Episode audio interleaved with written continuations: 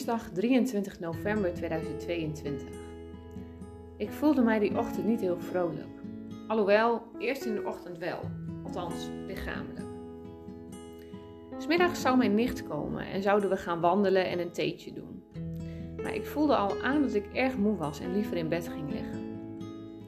En weet je, dan kan ik ook kiezen voor liefde en vertrouwen natuurlijk, maar op de een of andere manier trekt het donker dan heel erg. Slapen lukte alleen niet. Ik zat te veel in mijn hoofd. Te weinig gegrond dus ook. Na het middageten besloot om even alleen naar het bos te gaan. Want ik weet gewoon dat dat mijn medicijn is. Dat ik daarvan opknap. Ik koos een ander pad wat ik nog niet kende. En een beetje verdrietig wandelde ik rond. Ik kon nog niet zozeer genieten. Ik huilde en ik vroeg: Als er nou echt meer bestaat dan dit, zou ik dan alsjeblieft een teken mogen krijgen? Of mijn opa in wat voor vorm dan ook willen laten tonen? Niet veel verderop lag een boomstam in de zon. Ik ging even zitten met de zon in mijn gezicht. Ik hoorde bzz, en er zat een libelle op mijn jas. Ik schrok heel erg. Ook zag ik tot mijn verbazing dat er acht foto's waren gemaakt in mijn jaszak. Er stond een lichtbol op. Licht dus. Hmm. Mijn stemming veranderde naar positiviteit. En ik voelde dat er een stukje vertrouwen terugkwam. Want een libelle, libelle staat voor transformatie. En die ging op mijn jas zitten. Foto's die gemaakt worden. Ik kan het niet verklaren, maar het is er wel. Mijn tranen waren in ieder geval weg. Ik wandelde verder zonder route over smalle zijpaadjes.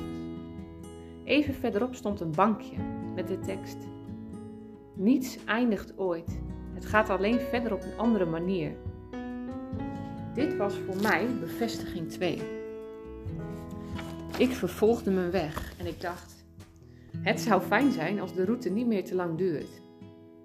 Met die gedachte zie ik in de verte een boerderij.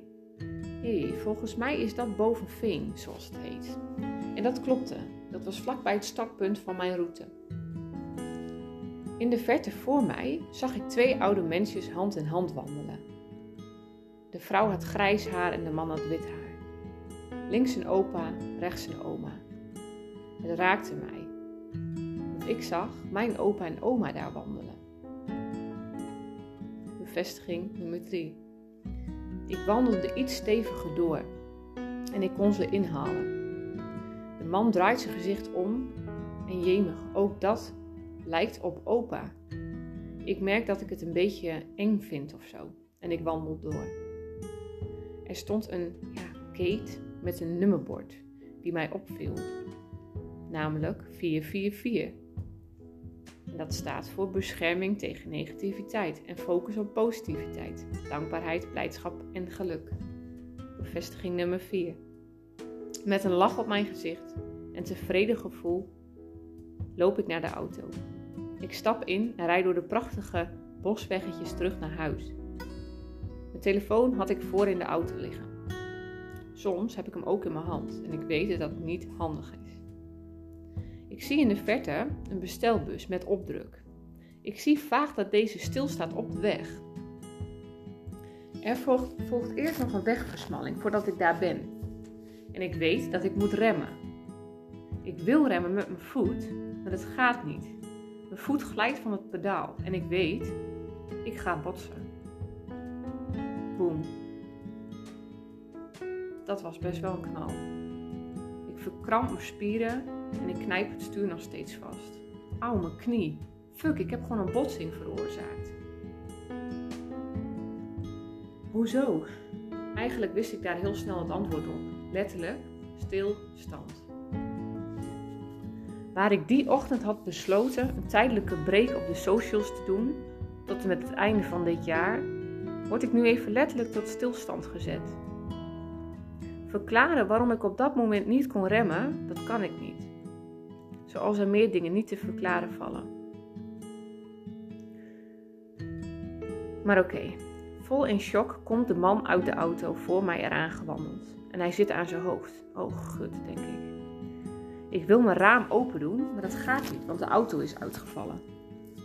Ik weet, ik weet gewoon even niet meer hoe ik de auto open krijg. De man wijst naar mijn deurklink. Ach, natuurlijk. Jongens, zeg ik, wat een klap hè, sorry hoor. En ik begin met een trilstem en trilhanden een heel verhaal af te steken. Achter ons allemaal auto's die om ons heen willen. Oh ja, dit is natuurlijk een drukke doorgaande weg. Alles gaat gewoon door, terwijl wij letterlijk even stilstaan. Meneer zegt: Ik bel de politie even. En mijn gedachten zijn: Moet dat? Ik herinner me nog uit verzekeringstijd dat dat echt niet altijd nodig is. Maar oké, en hij gaf de telefoon vervolgens aan mij. Kun je ook even spreken met de politie? Ik werd daarna doorverbonden met de ambulance. Want meneer heeft last van zijn hoofd door de klap en ik heb last van mijn knie, mijn nek en mijn schouders. Nog geen twee minuten later komt daar met loeiende sirenes de ambulance aangesneld. God, dacht ik, wat overdreven. Ik steek mijn duim op van, doe maar rustig, het is oké. Er volgde een korte controle en ik mocht even mee de ambulance in. Ik dacht nog, ben ik 33 jaar, zit ik voor het eerst in de ambulance. Ik zat en daar kwam het. De ontlading, de tranen. Het kwam er allemaal even uit. Ja, zegt de ambulancebroeder. Dit doen we bewust. Je even uit de situatie halen. Even rust. Meten even je bloeddruk. Nou ja, drie keer raden, die was natuurlijk veel te hoog. Ik bleef nog even zitten. En toen belde Nick mij terug, want die had ik vanuit paniek direct al een paar keer gebeld, maar die nam niet op. Die was toevallig vlakbij met de kinderen. En ze stonden al naast de ambulance. Ik stapte uit de ambulance en ik gaf Nick een knuffel. En die knuffel op dat moment was zo ontzettend fijn en hartverwarmend.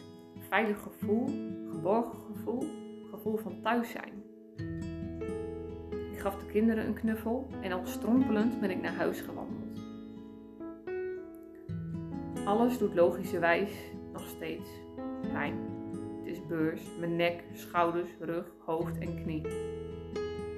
Tja, en dan zou ik kunnen denken, nou gatsie, dat mij dit weer overkomt.